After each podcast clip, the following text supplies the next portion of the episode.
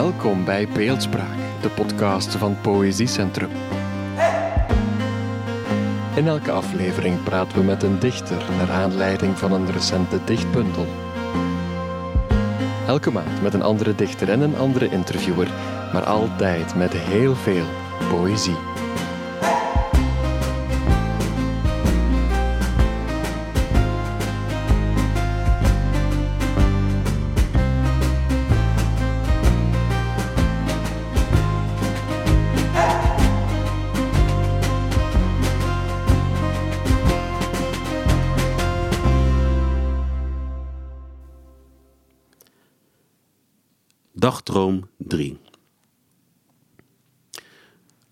Nachten zijn het ergst.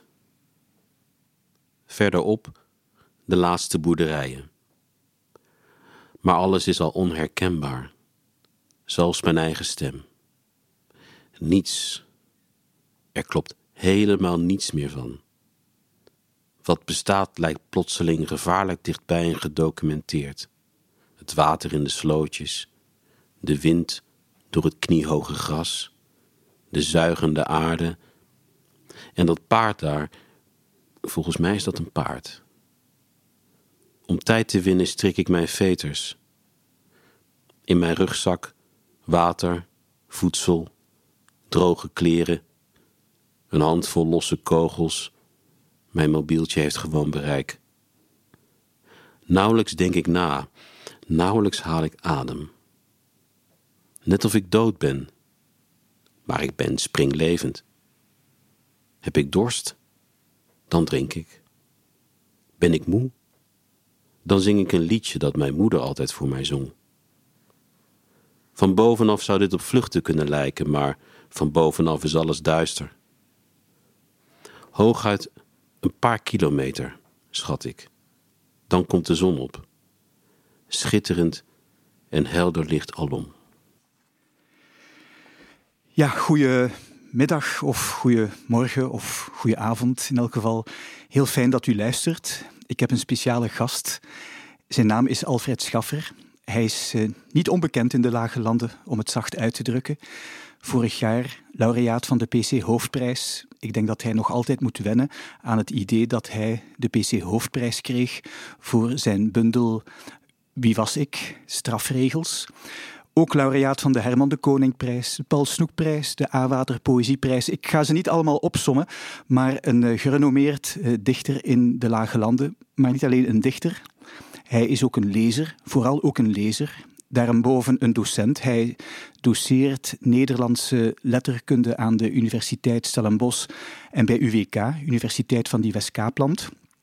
Op dit ogenblik is hij te gast in Gent. Hij is uh, gastdocent en hij doseert op dit moment de poëziecolleges, terwijl ik dan weer in, in Zuid-Afrika ben.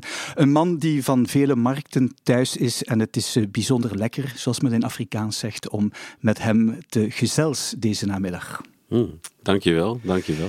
Zeer welkom in Poëziecentrum. Laten we het misschien eerst hebben over die PC Hoofdprijs. Um, je hebt hem ontvangen vorig jaar, je hebt een prachtig dankwoord uitgesproken, ondertussen ook uitgegeven door uh, de stichting.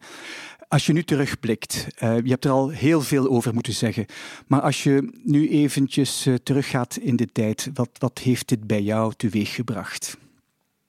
Um dat is, dat, is lastig, dat is lastig om te zeggen, omdat het relatief kort geleden is, uiteraard. Maar wat zo'n oeuvreprijs doet, um, is dat je um, als, als schrijver sterk teruggeworpen wordt op je, op, je, op je eigen werk. Terwijl ik denk dat dat voor de meeste schrijvers, kunstenaars in het algemeen geldt. Dat je altijd op zoek bent naar het eerstvolgende. En uh, door deze prijs word je, uh, nogmaals, omdat het, ik heb wel meer prijzen mogen ontvangen al, maar dat was dan steeds voor een bundel. Maar omdat het een oeuvreprijs is, werd ik niet voor de eerste keer weer, of voor de eerste keer,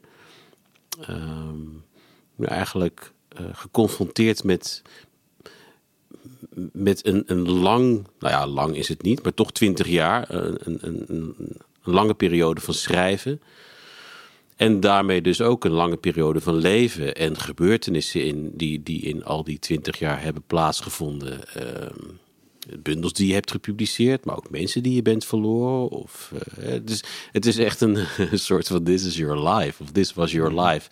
En ik, ik merk dat ik, uh, dat ik bij mezelf, nu valt het wel mee, maar aanvankelijk echt moest oppassen om het te zien als een afsluiting.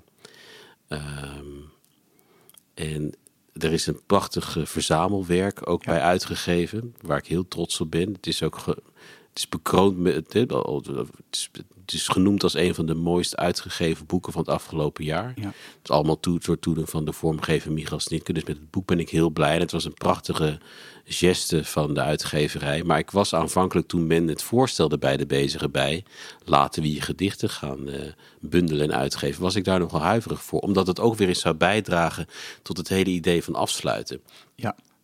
Uh, en, en, en, en dat is iets dat tot nu toe wel mee lijkt te vallen. Al heb ik sinds die tijd, dat is waarschijnlijk door een gebrek aan tijd, eerder dan door iets anders, maar heb ik ook nog niet, niet echt iets nieuws gemaakt. Dus mhm. ik hoop dat dat op een gegeven moment alweer opgelost wordt. En dat het niet daadwerkelijk een afsluiting is. Ik kan me voorstellen, ik weet niet hoe dat met andere laureaten is. En dat geldt natuurlijk ook voor andere genres. essays en, en, en proza.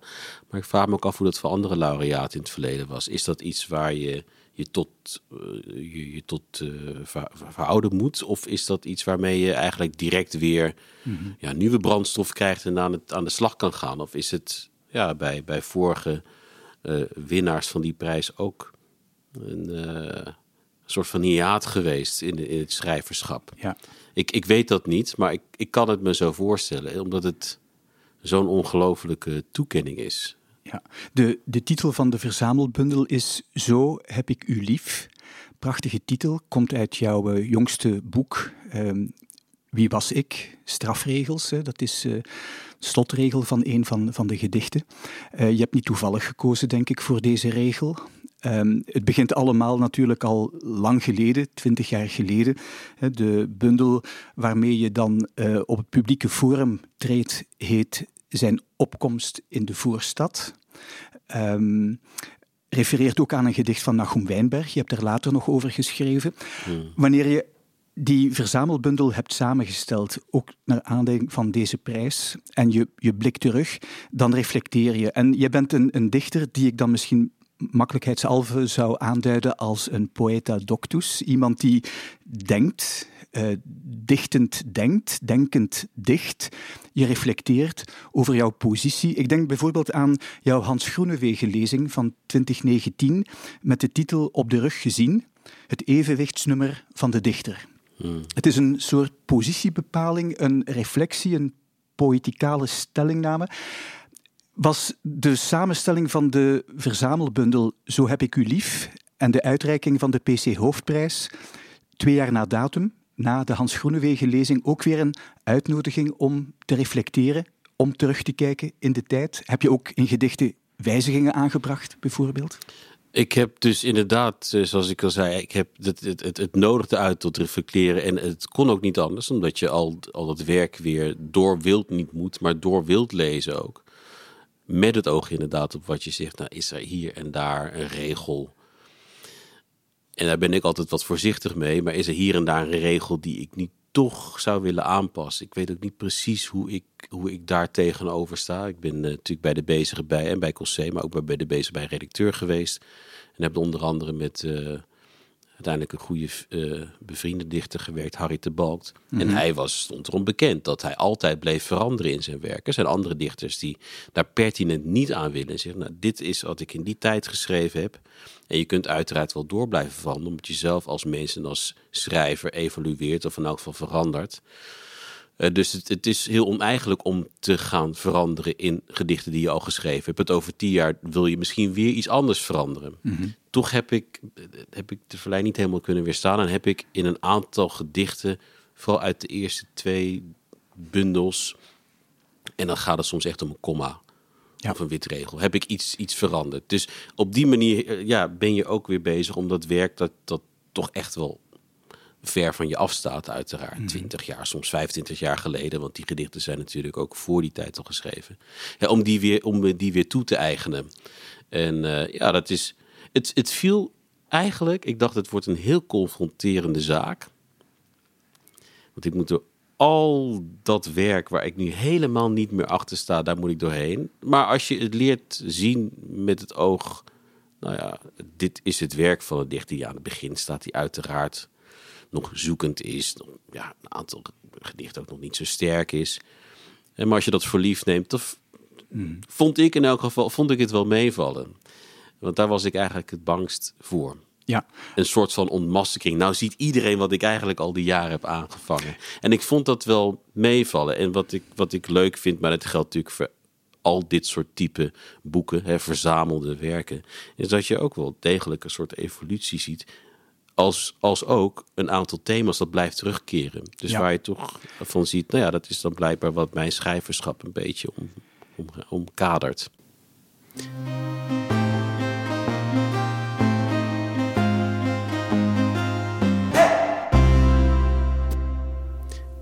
Ik kan niet stoppen met lachen, want als ik begin met huilen, houd ik niet meer op. Het eerste hands sterven, het andermaal sterven. Bijvoorbeeld een mens die leeft en het volgende moment niet meer. Die twee mensen netjes naast elkaar gelegd. En daar weer naast een mens op batterijen. Naast precies diezelfde mens, maar dan zonder. Misschien liep binnen in het kunststofmechaniek iets vast. Vier figuren, ogenschijnlijk naast elkaar op een windstille ochtend, zomaar midden in het jaar, in een ruimte zonder afmetingen en al bijna zonder kleur. Wat een hardnekkig vooruitzicht. Zo heb ik u lief.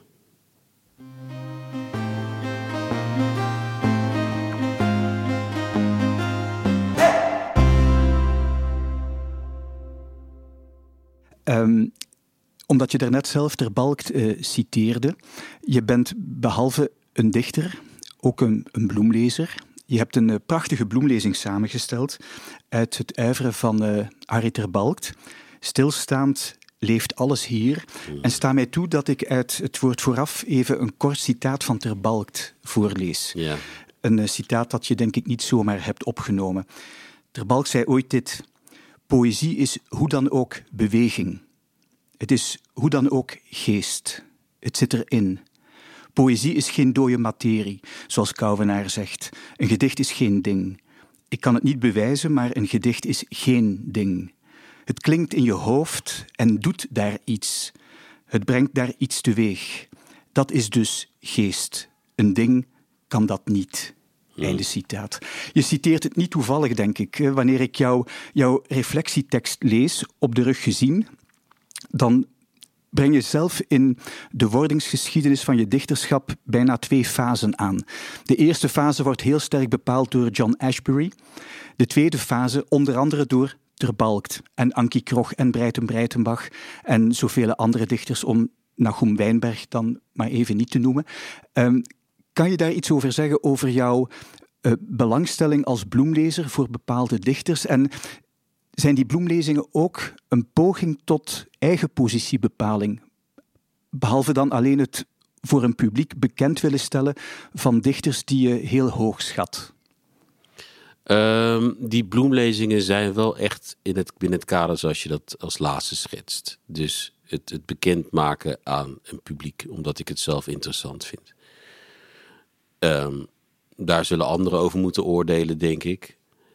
Maar wat mijzelf betreft ben ik in elk geval totaal niet bezig met positiebepalingen in dat opzicht. Ik zit, ik zit daar ook wel echt een beetje te ver van, van het nee. Dat merk ik nu ik hier in Gent zit ook. Dat ik toch wel veel meer een buitenlander ben dan ik, dan ik zou denken aanvankelijk. Dus ik zit er gewoon niet zo in. Uiteraard, ik schrijf recensies voor de Groene Amsterdammer. Momenteel, dat houdt ook ooit weer op natuurlijk. En dan doe je weer iets anders. Um, en je bent dichter. Ik heb behalve die bloemlezing ook een bloemlezing samengesteld over het werk of van het werk van uh, Elisabeth Eibers bij Van Oorschot uit, uh, uitgebracht. Dus ik snap ook wel dat dat, dat uh, alles een soort tekst genereert dat, dat een positie zou kunnen bepalen, maar het is zeker niet iets waar ik mee bezig ben. Mm -hmm. um, ik word er ook steeds voor gevraagd. Het is niet dat ik naar de bezig bij stap. Ik wil dat nu gaan doen. Dat, is, dat zou wel echt een. En er is ook helemaal niets fouts mee, uiteraard. Niets verkeerds mee. Maar dat is natuurlijk meer van een positiebepaling. Ik wil die en die dichter vormgeven. Daar mijn beeld van weergeven. Zowel bij Eibers als bij Tabalt kreeg ik de vraag: zou jij dat willen doen? En als het een oeuvre is waar ik niets mee heb, dan zal ik ook nee zeggen. Mhm. Maar met het werk van Tebalkt en met het werk van Eibers om hele andere redenen heb ik heel veel. Dat, ja, dat is, een, dat is een mooie opdracht. En ik vind het leuk om zelf weer die poëzie op die manier te lezen. En dat gaat dan misschien niet om positiebepaling, maar wel om een soort zendelingenwerk. Hè, dat idee. Ik wil dat graag kenbaar laten maken aan, uh, uh, aan een wat breder publiek. Uh, in allebei de gevallen ook met het idee, hoewel het voor mij belangrijk werk is en voor nou, toch wel flink aantal lezers. Je beseft ook wel dat dit nu al, helaas, werk is dat niet meer zoveel gelezen wordt. Dus dan is misschien zo'n bloemlezing weer een uitnodiging of een ingang voor een mhm. aantal lezers om ander werk op te pakken. En het is, het is, uiteraard is het een, een zeer, zeer uh, selectie. Maar is het een uitnodiging tot meer voor gemiddelde lezers? Dus daarom doe ik het. Maar ja, verder zit er niet zoveel aan vast. Ja, en in hoeverre kun je vandaag nog akkoord gaan met die uitspraak van Terbalkt dat poëzie vooral beweging is, een soort ademhaling. Ik herinner mij een uitspraak van jou. Je noemt jezelf als dichter zoekende.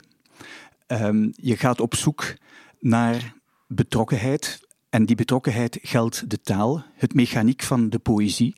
Niet zozeer de poëzie als de uitdrukking van een emotie, een beschrijving van een emotie, omdat dan al heel snel de valstrik van sentimentalisme wenkt.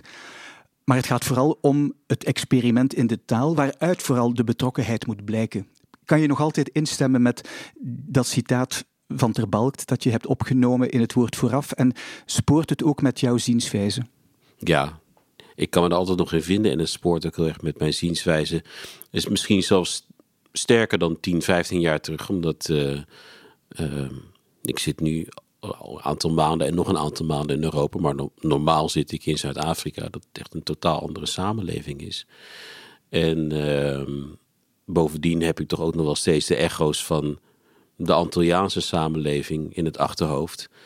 Ehm, en daar speelt en het is natuurlijk, ik, ik merk dat ik dat ook met colleges doe, dat, je, dat ik altijd de neiging heb om snel weg te springen van enkel de poëzie. Het, omdat het om, om meer gaat, het gaat om cultuur in het algemeen.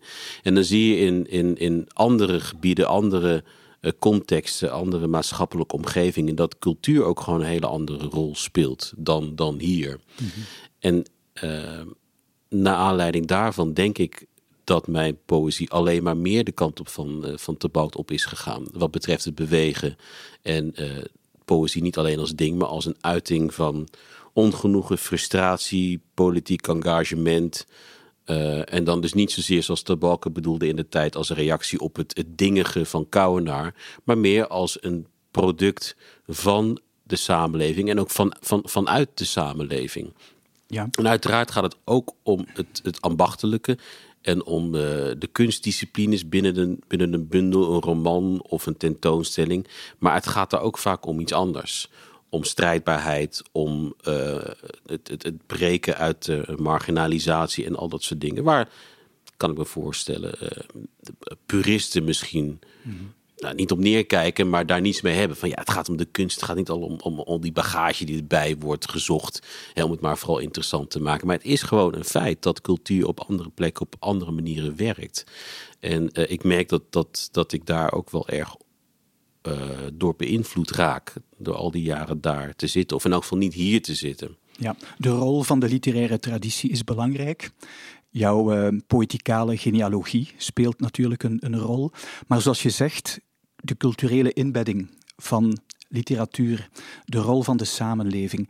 Je bent twintig jaar in Zuid-Afrika. Je had het daar zelf net al even over. En Zuid-Afrika, met alle problemen van dien, heeft jou ook mee gevormd. Eh, ook de poëzie in Zuid-Afrika. De Engelstalige, Afrikaanstalige poëzie, de Kaapse poëzie. Uh, ik denk vooral de stem ook van die bruinschrijver, uh, heel sterk. Mm. Kun je daar iets over zeggen? Hoe, in hoeverre de, context waarin je opereert, waarin je functioneert, 20 jaar Zuid-Afrika, in hoeverre jouw dichterschap uh, daardoor ook heel sterk bepaald wordt en je jezelf een buitenlander noemt, zelfs in de lage landen. Ja, dat is omdat nou, het, het begon aanvankelijk met iets heel technisch. Je zit niet meer in je eigen taalgebied, maar in een vreemde, meertalige omgeving, waardoor, je, waardoor ik me in elk geval sterker moest uh, concentreren op mijn Nederlands. Omdat uiteraard, het zijn allemaal meer technische aspecten, omdat het Nederlands redelijk op het Afrikaans lijkt. Was er een periode waar, waarin een bepaalde taalverwarring uh, wel ter sprake was. En waar ik echt moest oppassen dat ik niet in een soort tussentaal zou schrijven. Um, en dat is geëvalueerd, dat is nu wel in orde, denk ik, maar geëvalueerd tot het feit.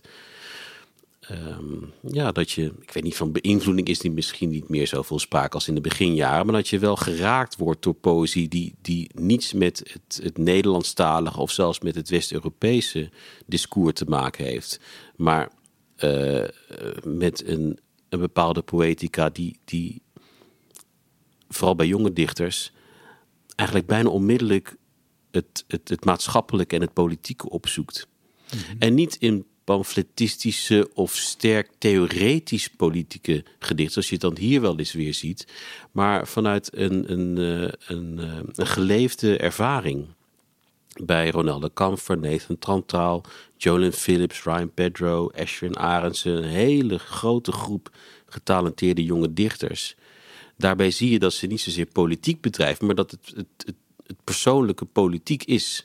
Dus dat er een hele vanzelfsprekende uh, vermenging is van autobiografie, mhm. politieke stellingname en poëtische taal. Want nogmaals, we hebben het niet over uh, iets, iets anders. Het, is, zijn geen beleidsstukken, het is ook geen proza, het is wel degelijk poëzie. Er wordt ook heel. Uh, Jolyn Phillips bijvoorbeeld is daar een prachtig voorbeeld van. Er wordt fantastisch met de taal omgesprongen. Maar het gaat ook over zaken die spelen in de maatschappij van dit moment. En zaken die misschien voorheen zeker tijdens de apartheidstijd, maar ook misschien 15 jaar geleden, niet in poëzie op die manier werden aangesproken. En die vermenging, ehm, en dan vaak ook, en ik denk dat dat te maken heeft met een bepaalde volwassenheid van die jonge dichters, omdat ze niet alleen over die situatie schrijven, maar die situatie kennen. Dus uh, daar niet alleen maar meer slachtoffer van zijn en daarover klagen, maar er. Uh, eigenlijk al verder in zijn. Je ziet daar dus ook bijna bij al die dichters een, een grote mate van ironie en ja, wel een hele donkere, maar een hele sterke vorm van humor. Ja. Die ik hier, als het gaat, bijvoorbeeld als het gaat om zaken rondom kleur, nog niet zo sterk zie. Behalve bij dichters als Bekono en, en Fabias. Vooral de spoken word traditie. Zie je dat men nog echt bezig is om te bepalen van wat kan ik zeggen, wat wil ik zeggen. En er een, een, een, een, een bepaalde vorm van strijdbaarheid is en ook ernst. Ja. Terwijl bij die poëzie daar, die ernst alweer een, niet een gepasseerd station is, maar het is, de grappen zijn soms keihard. En dat vind ik zo ontzettend aangrijpend. dat je al zo ver bent om over verkrachting, marginalisatie, armoede, racisme, zowel heel erg to the point te schrijven, als zeer poëtisch, als ook ja, ik kan niet anders zeggen, maar zeer grappig. Ja, en dat maakt het maakt die poëzie zo ambigu en zo ambivalent en daardoor zo aantrekkelijk, want het gaat alle kanten op. Je bent en geschokt en je moet lachen. Je bent en betoverd door de taal en je bent geschokt door wat je leest. Ja, en dat soort dingen, dat ken ik hier gewoon helemaal niet. De stijl is heel erg direct. Ja. Het gaat uh, om een heel confronterende toon die je bijvoorbeeld bij Ronalda Kamfer aantreft, maar ook Lynthia Julius en Ryan Pedro en al die andere interessante stemmen in, in ehm, Afrikaanse of Kaapse poëzie. Misschien moet je daar ook iets over zeggen. Je bent een vertaler, behalve een docent en een dichter en een recensent uh, ben je ook een vertaler. Uh, vele facetten komen samen in jou als, uh, als persoon, als publiek persoon. Um, je vertaalt Ronalda Kamfer in het Nederlands. Uh, je bent ook een, een pleitbezorger voor um, Afrikaanstalige stemmen. Ik herinner mij jouw vertaling van een selectie uit de poëzie van Jolyn Phillips voor Dietse Warande en Belfort. Vorig jaar nog Hilda Smits heb je hier geïntroduceerd. Een heel ander type dichter. Ja, ja ook um, jong. Ja. Hoe, hoe, ga je als uh, vertaler in het Nederlands om met die poëzie die denk ik binnen een bepaalde culturele context een uh, bepaalde rol te spelen heeft, maar misschien in de lage landen heel anders gerecipieerd wordt dan, dan in Zuid-Afrika. Door het te beschouwen als poëzie. En niet als iets exotisch. En ik denk dat men daar nogal snel in, in, een, in, een, in een val trapt. Dit is een taal waar bijvoorbeeld heel veel Engels wordt gebezigd. Dus dat, dat Nederlands moet ook vol Engels zitten. Nee, dat is niet omdat men daar cool of uh, van de straat wil klinken. Het is deel van de taal. dus als je dat gaat. Uh, als je dat exotisch gaat maken, dan zit je het eigenlijk ook weer apart. Kijk eens wat bijzonder. Nee, het, zijn gewoon dichters die in hun taal, dat toevallig dan op die manier gevormd is, hun, hun, hun, hun gedachten weergeven en hun, hun, creativiteit uiten. Dus uiteraard hou je rekening met de context waarin het zich afspeelt. Maar ik wil het vooral niet te um, ja, apart zetten. Ehm, mhm. En, en, en daarmee alweer in een hoek zitten van dit zijn allemaal bruine dichters. En die dichten allemaal dit, dit soort taal. He, daar, zit, daar, daar doe je ze mee tekort. En daar behandel je een groep dichters. Uh, daar doe je ze tekort mee. Je behandelt ze namelijk als een, als een, als een groep. En dat is men niet. Nee, Men heeft toevallig, je zit ook niet alle witte dichters bij elkaar bijvoorbeeld. Die, die, die lopen natuurlijk ook heel uiteen. Nou, dit zijn allemaal, allemaal West-Vlaamse dichters. ja, ja. Dat, dat is ontzettend redundant. Ja. En uh, dat geldt ook uh, voor die groep. Dus het is, het, is, het is zoeken. Het is anders dan gewoon vertalen. En eigenlijk is dat al verkeerd. Want als je een Franse dichter vertaalt, ben je ook niet aan het zoeken. Hoe ga ik dit doen? Je begint gewoon. Maar omdat het nou apart is, het is nieuw, ze, ze, ze, schrijven in het Afrikaans, maar dan met gebruik van, Engels, het Kaaps. Maar goed, daar zijn ook wel zoveel degradaties in. Daarvoor zou ik het dus heel apart en vooral voorzichtig. Nee, het is gewoon, dit is hun taal, daarin schrijven ze poëzie. En laten we vooral doordringen tot de kern. En uiteraard moet je rekening houden met de context. En heb je hier en daar een woordverklaring. Maar ik mhm. wil dus vooral niet te precair aanpakken. Want ja, daarmee doe je het onrecht. Ja, en je vertelt met name dichters, eh, onder wie Ronalda Kamfer, die zelf weigeren in het standaard Afrikaans te dichten je schrijft het zelf in op de rug gezien, namelijk ze kiezen voor hun taal. Het zijn nu maar die witte Afrikaners die een inspanning moeten leveren en zich verplaatsen in hun wereld. En niet dat zij zich conformeren aan wat verwacht wordt vanuit een witte gemeenschap in Zuid-Afrika, die dan Afrikaans sprekend is. En dat is interessant, dat is een bepaald spanningsveld dat je dan als vertaler moet proberen om te zetten naar het Nederlands. En dat lijkt mij een hele klus om dat te doen. Ja, is het ook. En daar heb ik me aanvankelijk op verkeken. Uh dacht, ik, ik ken die taal, ik ken veel van die dichters ook. Dus dat, uh, dat is gewoon even omzetten van A naar B. En dat bleek veel lastiger dan. Uh, ik ben bijvoorbeeld nu ook met een Engelstalige dichter bezig, Poetry International. Dat, dat bleek veel lastiger dan het, dan het doorgaan doorgaande werk. Mhm. En wat ik al zei, aan de andere kant vond ik dat ook vervelend. Van waarom moet dit bijzonder zijn? Waarom moeten deze dichters... Dat, dat wil men namelijk ook niet. Men is dichter in eigen recht.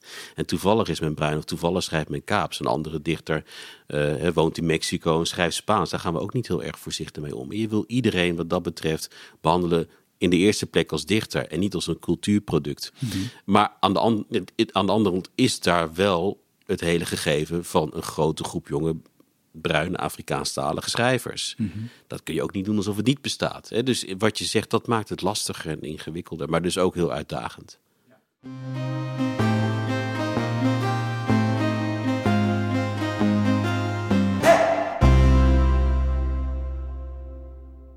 In jouw persoon komen vele facetten samen, zoals we daarnet al even zeiden. Misschien is een woord dat um, die verschillende facetten kan benoemen liminaliteit.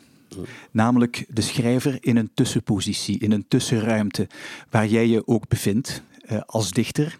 Uh, als vertaler ben je een bemiddelaar, waarin je ook je bewust bent van die tussenpositie, waarin je die bruggen probeert te slaan. Doe je dat daarnaast, behalve in je dichterschap, ook bijvoorbeeld in jouw colleges? Jij doseert in Stellenbosch en aan de Universiteit van West-Kaapland, de zogeheten Bruine Universiteit van Kaapstad colleges Nederlandse letterkunde. Hoe pak je die aan? Wat is jouw opvatting van Nederlandistiek in een Zuid-Afrikaanse context?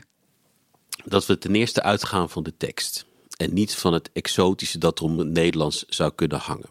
Dus ik ga niet altijd uit van de evidente grote namen zoals wij die hier kennen, omdat men daarmee in elk geval niet bekend is. Uh, als je uit Grabouw komt of uit Bredaasdorp, dan zegt het je niets of je wel of niet een tekst van W.F. Hermans hebt behandeld. Het gaat wel om aspecten binnen poëzie in het algemeen. En uiteraard, ik hou me bezig met Nederlands, maar bij wijze van spreken zou ik daar ook over kunnen praten naar aanleiding van een Pools of Frans of een Pakistaanse tekst. Dat vind ik veel interessanter. Juist misschien dat je dan wat meer kunt vergelijken tussen verschillende literaturen. Vervagen die ontzettend belangrijke nationale grenzen vervagen een beetje. En gaat het meer over wat er precies staat. Wat wordt erin verteld?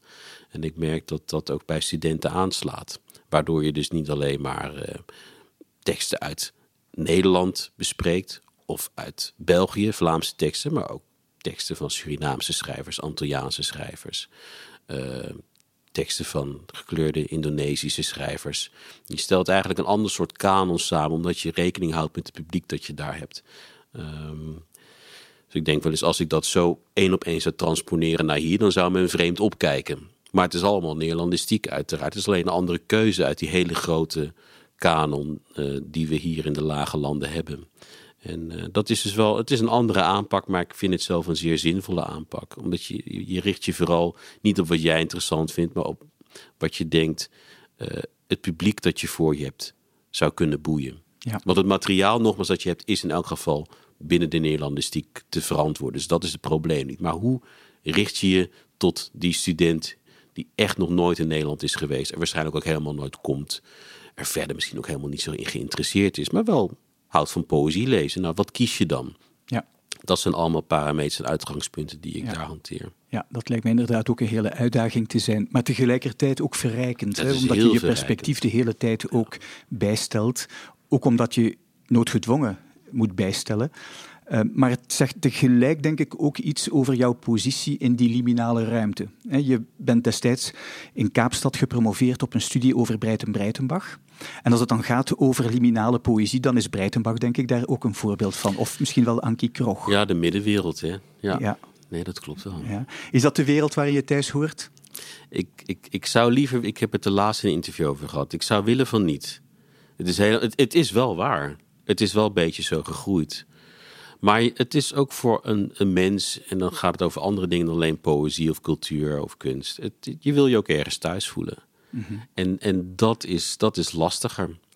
Dat je een beetje tussen posities inzweeft en uh, dat wordt altijd aangekoppeld. Hè. Het, het, romantische overal en nergens zijn is helemaal niet zo fijn. Het is gewoon ergens fijn om thuis te horen. Dus het is, dat, dat liminale zit erin. Ja. Maar is niet een ideale positie. Nee. Tot slot, uh, Alfred, uh, wil ik jou graag nog een vraag stellen over het belang van lezen in de ontwikkeling van je dichterschap. Uh, je noemt jezelf vooral een lezer. Het lezen is, is de kern, de kiem van het schrijverschap. Um, het valt mij op, ook als je over je eigen werk schrijft, zoals in de daarnet genoemde Hans Groenewegen lezing, dat je heel veel namen noemt, hè, een bepaald referentiekader. Dus interessant om dit poëticaal dan vervolgens ook te gaan onderzoeken welke namen je noemt en waarom je die dan in een bepaalde context noemt. Um, en je zegt zelf, ik ben van rijrichting veranderd. Hmm. Uh, zeg maar, kort samengevat, van John Ashbery ben je richting um, Lucebert en Ankie Krog en Nachum Wijnberg en terbalkt gegaan. Um, is dat iets wat in de ontwikkeling van jouw dichterschap een cruciale rol speelt? Altijd weer kijken of je ergens geraakt wordt. En niet dat je je daarbij aansluit bij een bepaald poëticaal denken, maar dat je je um, herkent in een toon, in een ritme, in een bepaalde klank, in een bepaalde opvatting. Is dat iets wat jou leidt, ook in je dichterschap, het lezerschap? Ja, juist. Het is uh, een van de grote redenen, weet ik ook. Dit is niet om een positie te bepalen, maar ik werd ervoor gevraagd: zou jij voor de Groene poëzierecensies willen schrijven? Ik dacht aanvankelijk, het is ook leuk, omdat het, uh, het is niet zoveel werk, een dichtbundel lezen, maar het is, het is eigenlijk best wel veel werk. Maar ik deed het ook omdat ik dan weer meer zou lezen. Gewoon nieuwe poëzie lezen. Kijken wat op mijn pad komt. En kijken hoe je daardoor aangestoken wordt. Omdat dat iets, iets is dat je uit jezelf niet altijd doet. Je leest niet. Of je leest, zeker als je college geeft, steeds weer dezelfde bundels. Als je dat ook niet doet, dan lees je hier en daar je favoriete dichters. Nu word je gedwongen om echt ja, de, de oogst van elk jaar door te nemen. Kijken wat er zo verschijnt.